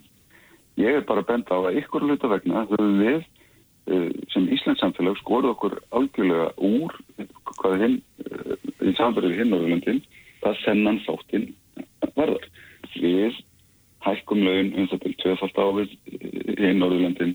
Við erum með tvefalt herri verðbólku, við erum með mun herra vakstætti og við erum með mun meiri gengi sólstöðu líka. Og þetta er allt í takt við þau fræðið sem ég er að vísa í er allt í takt við þær ábendingar sem við fengi frá virtum alþjóðlegum stofnunum eins og alþjóðagjaldurinsjóðunum og OCD. Mm -hmm. Þetta er ekki eitthvað sem er þetta blása á sem er eitthvað hverjulta skoðuna minni hálf. Þetta er einfallega bara þá veruleiki sem að, að ég kalla þessir á vestkvæðisöfingin raukstiði mun mun betri hætti þetta hún hefur gert akkur eigi ekki við hér. Af því að veruleikin teknast ítrekkað upp aftur aftur verandi þessi. Þetta skilar mikill verðbúku. Það er margt rétt auðvitað að hafa atvinnureikundur í ykkurum tilvikum þar sem að samkeppnið er ábútafand uh, verulega áhrif og verðlag. En það má ekki glemja því heldur. Íslandst atvinnulegu verið stöður samkeppnið við innflutning að auðvitað uh, þegar að, að laun hækka hér langt umfram það sem gengur að gerist í nákvæmlandum okkar þá einfallega rýtnar svo samkeppnishefni og þessi fyrirtæki er ekkit í nefnum stöðu til þess að hækka uh, verðlag á mæti launahækkun. Þú ert að segja okkur þástinn er það ekki að núna þessa launahækkun sem þú ætti að lýsa upp á 67% hérna, eins og launavistalinn er að það, það sé engin inn í staði fyrir því. Ertu ekki að segja okkur það? Ég, ég er að segja bara verðbúkan er 4,3% sem að, í, í dag sem er bara, hún er á því róli sem við mátti búa Já. að hún færi á með þann launatakt sem er. Annað sem er bara, mér finnst mjög mikilvægt líka aðgrinn á milli í, í það sem hættir að benda á uh, varðandi launastefn þess að varandi þá, þá stefnu að hækka legstulun sérstaklega. Það er bara óskildur hlutur á við sveigurum til launahækkan. Launastefna er það bara hvernig samniður um að skipta því sveigurumi sem er til staðar. Það er vel hægt að hækka legstulun sérstaklega innan sveigurums. Um það snýst uh, þessi umræða ekki. Mm. En það er eins og var uh, annar vandi sem að meðal með Sælabankastjóri hefur bent á það verðist ekki vera neinn samstafa um launastöfnu hérland. Það er að segja að þegar að alþjóðsambandi hefur krafist uh, sérstakra launahækana fyrir hérna lagslaunuðu, þá hefur það ekki nættilega verið samþýtt af til dæmis millitekki hópunum og, háskólamissum hópunum. En við sjáum eins og að, að þessi stefna hefur skilað þó þeim árangri að launamunur eftir mentun er eiginlega hverki minni en hér á landi. Mm. Það er að segja að uh, einstaklingur með grunnskólamentun uh, er með um það til 80% að tekja háskólamentun sem er, er mun herra hlut heldur er í nákvæmlega löndum okkar. Já. Má alveg spyrja þeirra reistmötu spurningar sem stættafélag eins og BHM hafa verið að benda á hvaða launamun þarf á vinnumarkaðu til þess að endur spekla einfallega lengri skólagöngum og stiftri starfsæfi sem því Þetta ég uh, á ekki svar við þeirri spurningu en, en það er bara mjög eðlilegt að í slíkri launastöfnu sé svo umræða tekinu þetta hérna, hversu langt er hægt að ganga á þess að við séum að, að draga um og úr hvað það til dæmis til náður. Það er eins og er ekkert með svigurumi til launahækkan að gera. Nei, nei. Það er vel hægt að keira slíka launastöfnu innan svigurums. Já, já, akkurat, hérna, halla í, í framhaldu þessu, ég minna að það er, sko, við erum í miðri kreppu, ekki miðri, við erum vonandi á lokasprettunum og, hérna, og, og fyrirtækja mjög, mörg fari mjög illa og það, þá náttúrulega svona, það lítur að skjóta skökku við að við séum jáfnframt svona almennt að hækka laun uh, svona verulega á þessum tíma. Myna, finnst þér það ekki sjálfur að það sé svona, það sé aldrei undarlegt? Ég tekjur hafa hríðfallið. Nei, það finnst mér einmitt ekki að, uh, vegna þess að uh, við erum að horfa til þess að stór hluti atvinnulífsins er bara í nokkuð góða málum mm -hmm. og það þarf ekkit annað en bara að lesa meðal viðskiptblad og sjá fréttur úr kaupullinni og, og hérna, afkomusbár sem var hækkandi og annars líkt. Það er hins vegar hluti atvinnulífsins sem að er að fara ofbóðslega illa út úr þessu. Það er líka hluti af landinu sem er að fara illa út úr þessu og það er ákveðinir hópa fólks sem er að fara illa út úr þessu. Og við höfum kallað eftir sértækum aðgerðum til að mæta þessum hópum.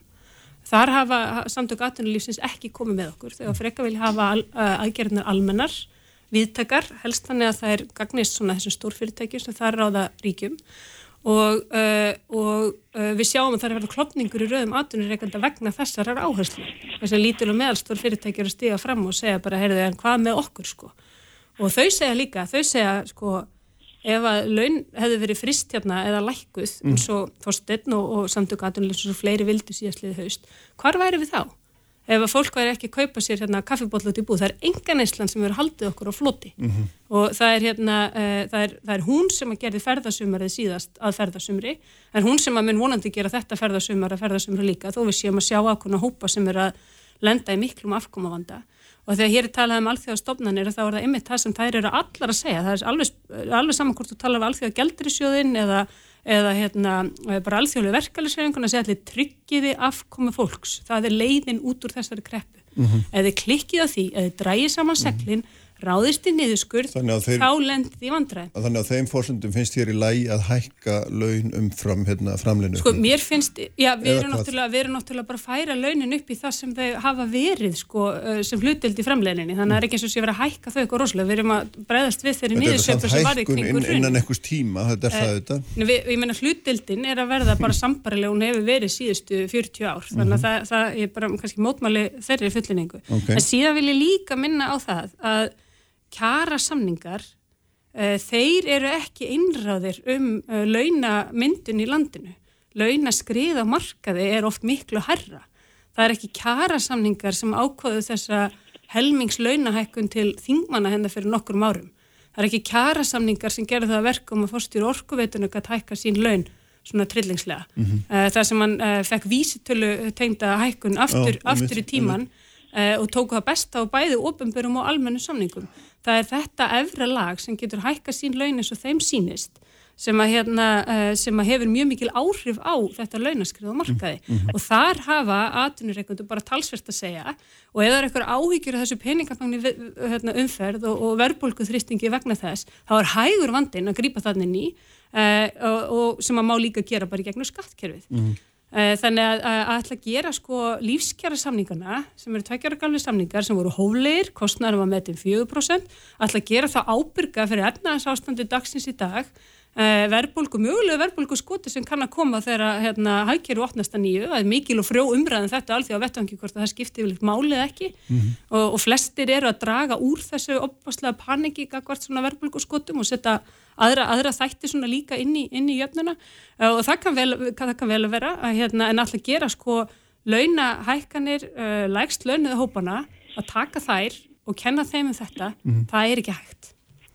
Eh, sko, bara fyrir það fyrst að ég var rétt að enda við bara síðustu setninguna sem ég fekk að koma hér að að, að launastefnan og sigurum að vera tvent ólíkt. Ég er ekkert að gera neina aðtóð sem til uh, launahekkanir lægslaunar hópana umfram aðra. Uh, það er alveg rétt líka að í þessari kreppu sem við erum að glíma við núna skiptir mjög miklu máli að tryggja ákveðum fólks. Hún er reynda mjög óvinnulega þýrlitin til að það er bara slögt á ákveðnum hluta hagkerfisins. Það er dálega erfitt að draga einhverjar álíktanir af því hver stað okkar er fyrir að við erum komin út úr uh, kófinu uh, sem slíku, til þess hvað er ferðarþjónust að vera stödd og hversu hrætt við réttum úr kútin. Þannig að ég held að, að ég er að horfa til þróunar og sko stöðugs óstöðuleika í íslensku efnæðislífi undan þarna ára tí og þegar að til dæmis talaður um að við erum rétt að ná uh, hlutselt launa í, í framleginni uh, síðastliðinu 40 ára, það er bara einfallega rámt. Við erum að ná hápunkti, það er alveg rétt, en þar hefur við verið miklu ójabæg. Þannig að, að Á putturinn var hann ekki svona 67% einhver tíman á uh, tíundarartögnum? Eða áttunda, eða nýjunda? Að klára, en við, það er óumdelt að við erum með mun herra hlutfall hér að meðaltali heldur en önnum landi kringum okkur í hlutfalli launa í, í, í, í þjóðarkökunni sem slíkri og við erum að nálgast hann hápunkt aftur núna og það er hápunktur sem yfirleitt hefur alltaf skilað okkur miklu er þessu umræða sem á endanum þarf að komast niður á einhvern annan grundvöld heldur en uh, það að alltaf því að skjóta sendibóðin eins og hallar Það er engin að skjóta sendibóða þarstu. Ég er að gaggrina hana málflutningu þín að setja fram skoðanir þínur og kalla þér þingdarlögumalið. Það er ekki að skjóta sendibóða. Þú varst rétt að þú endaðir á því áðan að hengja alla stjórnendur upp á einn hægt út á launahekkurum uh, fórstur orkuvitinu. Nei, ég gerði það ekki. Ég sagði bara að atvinnureikandi væri ágættri stöðu til að bregðast við þessum launahekkunum. Horfum á meðaltölum þar þegar að hort er á, á meðaltöl eftir lagana í, í samfélaginu þá hafa þau hækkað hlutastlega mun minna heldur en aðrir hópar uh, launþega ekki bara síðastliða árið eða síðastliðin 2 ár heldur síðastliðin 20 ár. Launastefnar sem hefur verið rekin hérna í samfélaginu hefur gengið fullkomlega upp hún hefur skilað tekju lagstu hópunum langmestu tekju hækkunum en það er alltaf hjólað í einstaklinga og einstakka hópa eins og þingmenn eða einstakka fórstjóri fyrir að launar að hækka og sagt að það er verið að bróta Þú ert að hjóla í lálunuhópana Veist, ég, ég er að mæta því. Ég er bara ítækað að segja að ég er ekki að hjóla í lálunuhópana ég er bara sammála þeirri stefnu sem hefur verið fyllt að hækka lagstu laun sérstaklega. Ég er bara að segja að það En þú vildi frista þau síðasta haust og þú ert að kvart undan en nóg Hvað fyrir ekki að það styrna alltaf árum? Nei, ég er bara, hérna, ég, ég hef sínt á kurtið sig að, hérna, að hlusta og ég er bara ekki að fá að svara. Já, gerð svo vel. Hérna, og þetta er, er það sem að, að, hérna, ég hef bara benda einfallega á umræðu um launathróun í heilu samfélagi þarf við að taka út frá þessu. Hvernig er launastefnan að ganga eftir? Allar tölur sín okkur, hún er að ganga mjög vel eftir, hún er að skila lagstu tekjuhúpunum mun herði hækkunum, launa stíðið er að þjappast saman, það er ekkert land sem getur státað að meiri launa jöfnuðu heldur en Ísland. Við erum í fyrsta sæti þær og við erum búin að vera þær undan fyrir 7-8 ára. Mm -hmm. Vandin liggur ekki í launadreifingunni með þetta.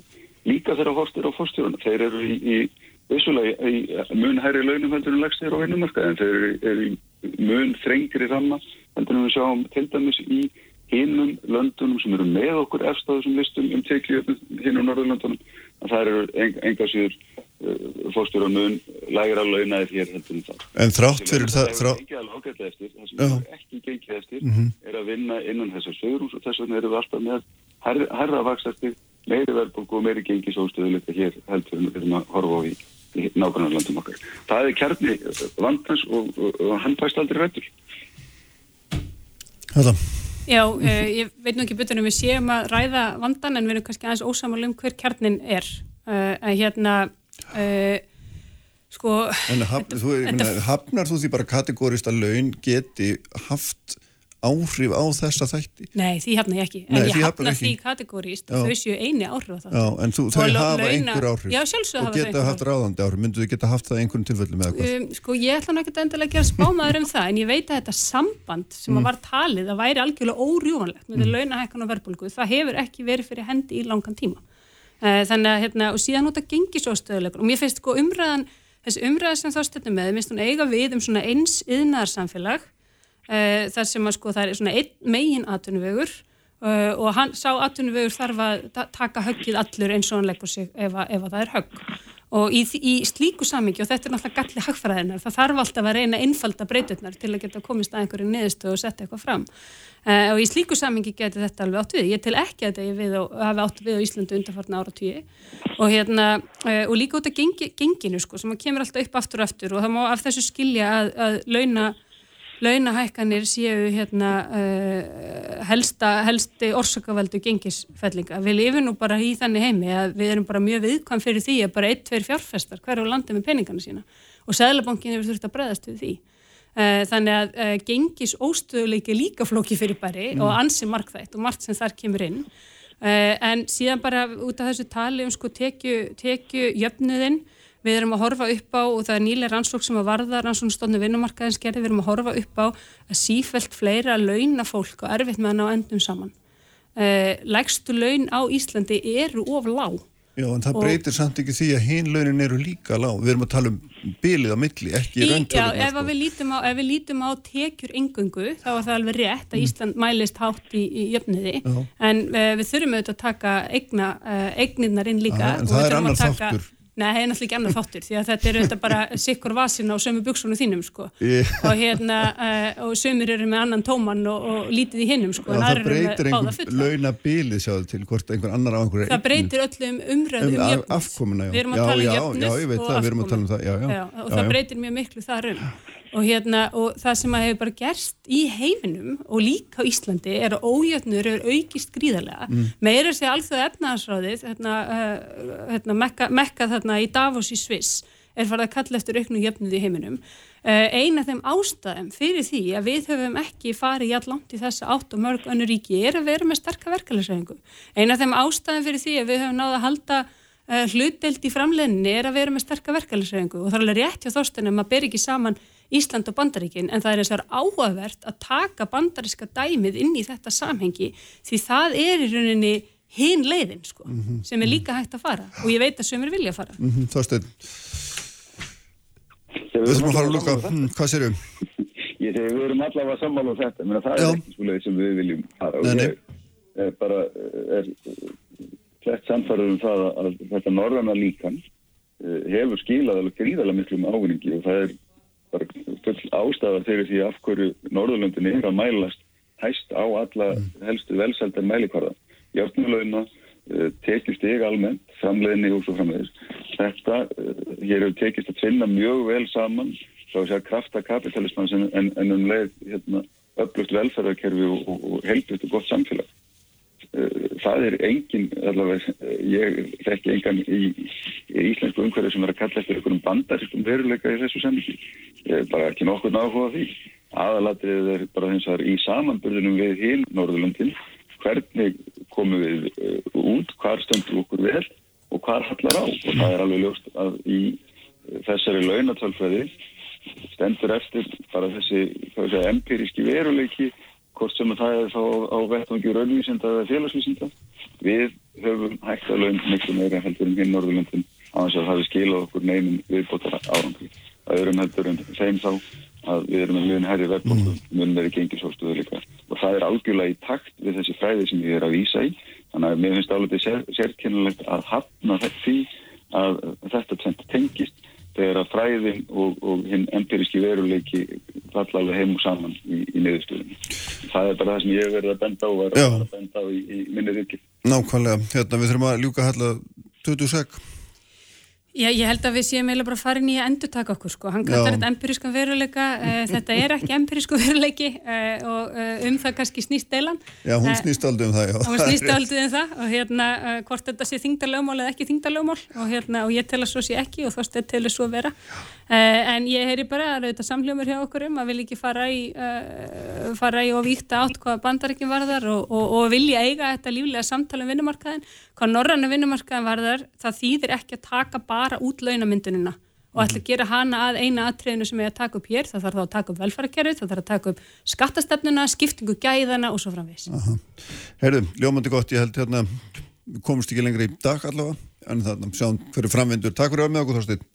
Jú, takk svo næst. Já, og Halla, takk fyrir að koma. Takk fyrir. Og hérna, auður, Önnu Magnúsdóttir verður hérna hjá mér og hún, við ætlum að fjalla eins og loslasmálinn hérna á eittir. Kraftmikil umræða alla sunnudaga. Sprengisandur á bylgjunni. Með þér allan daginn. Hvar sem er, hveni sem er, bylgjan. Bylgjan. Sprengisandur á bylgjunni. Sæli hlustendur, farin frá mér þau Þorstein Víglundsson og Þorstein Víglundsson og uh, Halla Gunnarsdóttir um, vorum glettilega ósamála um eiginlega allt fannst mér uh, en hérna uh, já, svo erum það ég ætla að fjalla hérna eins og loslasmálin uh, hún er sest hjá mér, hún er auður önnu Magnúsdóttir sem er frangandistur í landverndar Sæla bless, velkomin Sæl. Við höfum svo oft talað um þessi mál áður og hérna, mér finnst það er svona áhugavert aðeins að taka púlsinn vegna þess að, að núna hérna bara í, á síðustu dögum þá náttúrulega kom fram þessi yfirlýsing bandaríkja fórseta um að bandaríkin ætluð að helminga hérna sinn, sinn útblástur fram til ásins 2030 sem er nú allt annað tónheldur en hvað við hjá síðasta svo sé nú mildilega til orða tekið og hérna og svona kannski komin fram þessi fórista sem minn hafa líst eftir að vantaði ef- eftir að bandaríkjum enn svona dróðu sig út úr Parísarsáttmálanum og einhvern veginn held að sér höndum. Og, og en á, á sama tíma á sömur ástefnu þannig að sagði Antonio Guterres hérna, aðriðar í saminu þjóna að hérna uh, við staðum bara bara með að maður veit ekki hvort fótina á að stíga. En hvernig metur þessa stöðu? Er, er, er eitthvað eitthvað haldreipi í þessu sem að bandaríkjafórst er að gera og þau, svona því fordæmi sem hann sýnir hvað finnst þér? Mér finnst þetta náttúrulega bara stórmerkilegt. Já. Við erum búin að horfa upp á bandarækja fórseta eftir bandarækja fórseta svona þó að þó Obama hafi verið ágættur sko að þá erum við búin að horfa upp á marga bandarækja fórseta bara sopa þessu út á borðinu og segja bara já já þetta er, þetta er fallegt en, en þetta eru virkilega stórar yfirlýsingar mm. og það sem að Biden sagði er að þeir ætla að draga úr 50% miða við árið 1990 Já, já, þeir eru ekki að tala um eitthvað að reyna að skreita sig með einhverju eins og, eins og Japanir segja þeir ætla að draga um, fjö, um 46% með við 2013 þeir, þeir eru ekki verið að reyna að fægra þetta á neitt háttana þetta er mjög lofandi. Og það er mjög sjaldan sem að ég hef séð eitthvað eitthvað pólitíkus eh, vera með lofað í umhverfismálum. Já það er mjög sjaldan sem að maður hefur séð pólitíkus að vera með lofað í umhverfismálum punktur. Já, en að gera lofur í umhverfismálum fyrir kostningar, síðan bara þremu dögum eftir kostningar, eða eftir að þú tekur við embætti eins og bætingir þá, þá lætur hann til skar skrýða og hann hefur virkilega tekið fast á þessu og virkilega syngt að honum er virkilega alvara með loslasmálunum mm. líka með því hvaða fólk hann hefur með sér, hann hefur hérna EOC, Aleksandriu Kor, hvað, hvað heitir hún? Ocasio-Cortez. Ocasio-Cortez Já, já. með sér, þú veist, þessa, þessa virkilega róttæku umhver, þetta virkilega róttæku umhverfisvenda fólk þannig að já, ég, ég verð bara að vera bjart sín og, og það að sko saminuð þjóðirnar og, og Guterres sé að fara að tala eins og róttæk umhverfisvendamanniska já. sko, ég á eiginlega ekki róð í hann með hvernig hann talar sko. Hann er mjög svartur í þessum síðustu yfirlýsingu sínum, það er gett að segja hann. já, og málið er náttúrulega gríðarlega alvarlegt og, og þetta er ekki ekki óskinsamt fólk sem að hann er með í kringum sem hann sjálfur er ekki óskinsamur þannig að þetta bara sýnir hvað við erum komin rosalega langt mm. Á, á svona rangan veg Já, þannig að þér finnst svona, ég veit að þú er fylgst með þessu í einhver áratíu núna og hérna miklu, miklu áhuga ástriðu og hérna þannig að núna svona í bæten sérðu einhverja fórustu sem að svona þér finnst vera eitthvað, eitthvað tak í. Já, ég sé allavega ekki ástæð til þess að vera, vera svart sín eins og er varðandi það. Nei. En ég meina auðvitað þarf að gera miklu betur. Við erum búin að býða allt, allt, allt, allt á lengi og það sem að samanuð þjóðunar og, og Guterres hefur talað um líka að þessar breytingar sem við verðum að sjá að þær verða að fela í sér líka e, e, verndun vistkerfa og, og, og lífræðilega fjölbreytni og, og að við hugsum líka um náttúruna. Mm. því að það er ekki bara loslasmálinn þar sem við höfum komið illa fram við öðlindinnar okkar, það er, það er eiginlega allt annað. Og hann tala mjög stert um þetta líka og segir að við sínum á okkur sjálfsmórshægðan mm. þetta, þetta sé ótrúlega heimskulegt það sem já, við erum að gera. Já, meinir, já, já, akkurat. Og, og svona hérna uh, svo er hann líka náttúrulega búin að vera að sko, skamma þjóðir fyrir að hérna, endur nýja ekki heit sínsangvönd hérna, sem við átt að vera búin að gera núna 2020 var það ekki, eða 2021 mm. núna í ársbyrjun uh, fyrir gangi ekki nólánt mm og það er bara mjög stutt síðan að ef, held, ef þetta væri allt þá getur við glemt þessu. Já, og það er alveg rétt. Og hérna, þjóður heims að alls ekki staði við það sem að svona ekki, ekki sett fram markmið af nælum krafti? Nei, algjörlega. Og hann tala líka um sko, saminuð þjóðna komu bara strax mjög snemma í faraldreinum og sögðu þetta er tækifæri sem við erum búin að býða eftir mm. til þess að byggja build better, til þess að byggja samfélagið upp á réttanhátt betur þar sem allir eru með og við hugsaum um umhverju og náttúruna. Og þau komu með strax á degi jarðar sem var fyrir ári síðan komuðu með sex skref þar sem við, við hérna, sem við getum tekið til þess að bregðast virkilega við þessu réttanhátt og þau fólu í sér samvinnu og fjárfesta í, í grænum störfum og umhverjusvennum lausnum. En núna kemur í ljós og saminu þjóðin segja þetta einungis fjórðungur af því fyrir sem á að fara í uppbyggingu eh, sem viðbræði við faraldrinum er að fara í það að bregðast við eh, einhverju fyrir lofslæð gegn loftmengun og til þess að venda vistkerfin. Einungis fjórðungur af fjönu en hann segir að við erum að, að fá þetta fél lánað frá framtíðinni. Þannig að þess vegna verðum við að nota fél til þess að byggja upp lífanlega framtíð fyrir börnin okkar. Við megum ekki nota það bara til þess að okkur líði vel akkurat núna í augnablikinu, við megum ekki vera svona skamsi mm, Já, að þú kemur hann inn á eitt aðrið sem er náttúrulega mjög mikilvægt í þessu og það eru þetta fjármagnir sem við erum að setja í þetta þetta eru, eru triljónir dala sem að þarf til þess að að snú þessari þróun við og maður sér náttúrulega núna því að þú eru fundir bæði hérna, G7 fundurinn í sumar og svo er ráðstefnaði sem mikla lofsas ráðstefnaði Glasgow ef að COVID lofar og lefir mm -hmm. í haust og þá náttúrulega er alveg viðbúið er það ekki að þróunaríkin muni spilna við fótum að því að fjármagnir sem að var lofa til þeirra til þess að milda áhrifin af mhm. minni umsögum það hefur náttúrulega bara ekkert skilað sér mm -hmm. Akkurat, akkurat og þetta er svona einhvers konar mjög undarleg störukeppni á milli ríkulandana og, mm. og þróunaríkina en á þessari ráðstöfni sem var núna fyrir nokkrum dögum að þá lofaði Indland að draga saman sína losin til 2030 miða við 2005 um 30-35% mm -hmm. þannig að Indland er að gera virkilega hérna, e, koma með virkilega commitment þannig að, að við, við þurfum líka að skilja það, er, það eru við á Vesturlandum, það eru við ríkuþjóðunar sem erum ábyrg fyrir 90% af, af þeirri losin sem þegar hefur átt sér stað, þannig að mhm. samdrátturum verður allir að eiga sér stað hjá okkur Já. og við verðum að hjálpa þróunaríkjunum til þess að, að byggja sig upp e, og tryggja sér orgu á umhverfisveitni hátt þá þýðir að við þurfum að draga rosalega mikið saman í okkur. Já, en um leiðin náttúrulega stendur alltaf þessi barátt um það hvort að þróunaríkin með þá fara raun og veru bara sömu leið og við höfum farið í krafti þess að við drögum úr hérna, úr eða hvort það þurfa að finna aðra leiðir fyrir þau og sem að auðvitað þarf að gera en einhvern veginn gengur hægt að gera. Já, það, það, það verður, verður að það verður að vera all, á allt annan hátt. Þau geta náttúrulega alls ekki gert eins og við höfum gert en þau þurfa að fá meiri slaka og þessi losun sem við getum leift okkur mm. á næstu tíu árum hún verður að fá að vera all hjá þróunríkjum. Hún getur ekki verið hjá okkur og bara íslensk stjórnveld til dæmis, þau hafa enganskilning á þessu. Þau, þau, þau bara hérna, ætla sér að halda nokkur neginn áfram eins og við höfum alltaf gert. Já, ertu, ertu ósátt við þessi nýjustu markmið sem við höfum sett fram? Ég er ekki dósvægt við markmiðin, Nei. markmiðin er ágætt en, en aðgerðnar er ekki sannfærandi og, og hvorki aðgerðar á allunin nýja þær raunverulega aðgerð sem hefur verið gripið til. Það er mjög gott að byggja plæslustöðar og, mm. og fella niður virðisauka á rammarspílum og rafjólum og svona, þetta er, þetta er mjög jákvæðar aðgerðir en það vantar algjörlega aðgerðir á hinnendan sem, sem að draga virkilega úr losun. Það vantar kólumniskjald, það vantar takmarkanir á þessar, þessar mengunavalda. Já, finnst þér, nú er, er markmiðin okkar þau að hérna, draga úr losunum 55% eða meira til ásins 2030 meða við 1990 þannig að þetta er nú ansi þetta er nú ansi drjúkt ef það næst telur það sé ó, ó, ó, hérna, líklegt að við náðum þessu markmiðum eða hvað Nei, ég að það sé að vera mjög, mjög ólíklegt því að Já. á þessum tíma sem að til dæmis eins og Svíþjóð og Breitland frá 1990 þegar fyrstu lofarum voru gerð eða, eða svona lofarum voru gerð en það viðmunar ára 1990 en svona kannski frá 95-2000 og þá hafa þessar þjóðir verið að breyta sínu samfélagi og verið að miða sig við og þau verði að draga úr losun. Það eina sem við höfum gert er að auka okkar losun alveg rosalega. Mm. Við höfum auki gríðalega við stóri, við höfum auki gríðalega við losun frá vegasamgöngum.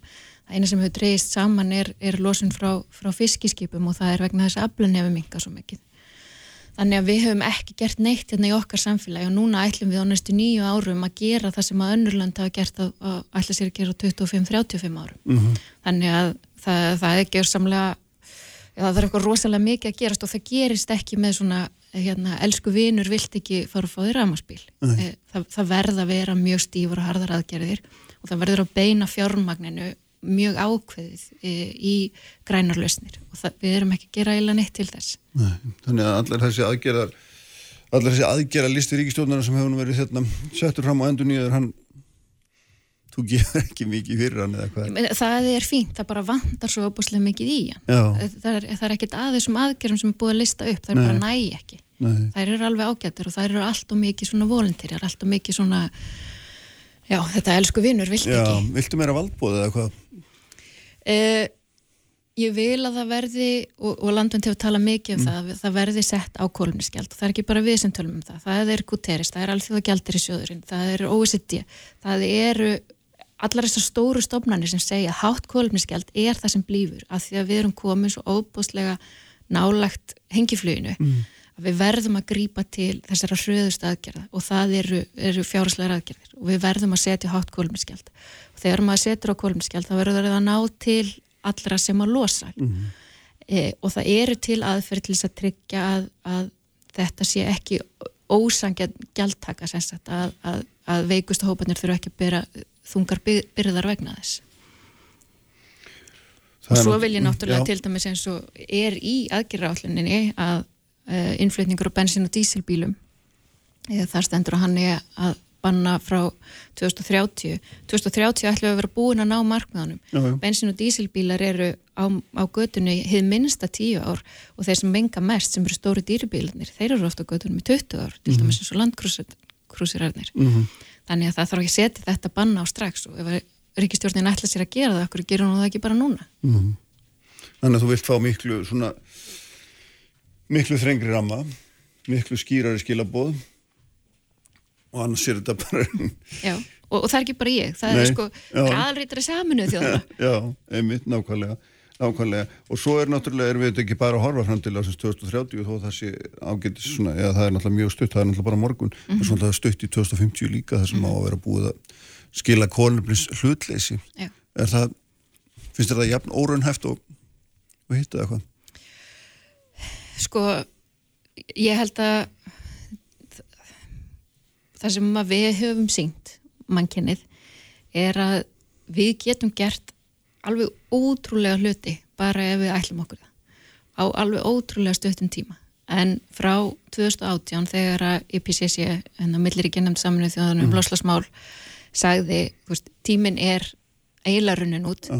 tæknilega er þetta hægt, pólitíst er þetta eiginlega ekki hægt, síðan þá eru, eru liðin þrjú ár, það hefur eiginlega ekkert gerst nema nú er komin hérna, bandarækjafósiti sem, að- sem að virkilega means business og e, allir eru farnir að tala miklu meira en, en við erum ekki að sjá neitt raunverulegan samdrátt, við erum ekki að sjá neitt nema bara eitthvað svona tilfellandi út á COVID. Já, einmitt sem var nú eiginlega bara ótrúlega lítið með að við menn heldur fyrirfram að ekki? Jú, og svona fer fljótt í mjög svipað form. Já, þetta er náttúrulega, það voru enga kerfisbundnar breytingar og það eru kerfisbundnar breytingar sem við þurfum að gera. Við þurfum að breyta öllum okkar kerfum. Við þurfum að lifa allt öðruvísi en, en ástæðan fyrir því að bandarækjafósiti er tilbúin til þess að segja þetta er leiðin sem við ætlum að fara í. Er, að það er svo ótrúlega mikið sem að þetta er svo, þetta er svo ákjósanleg framtíðamynd.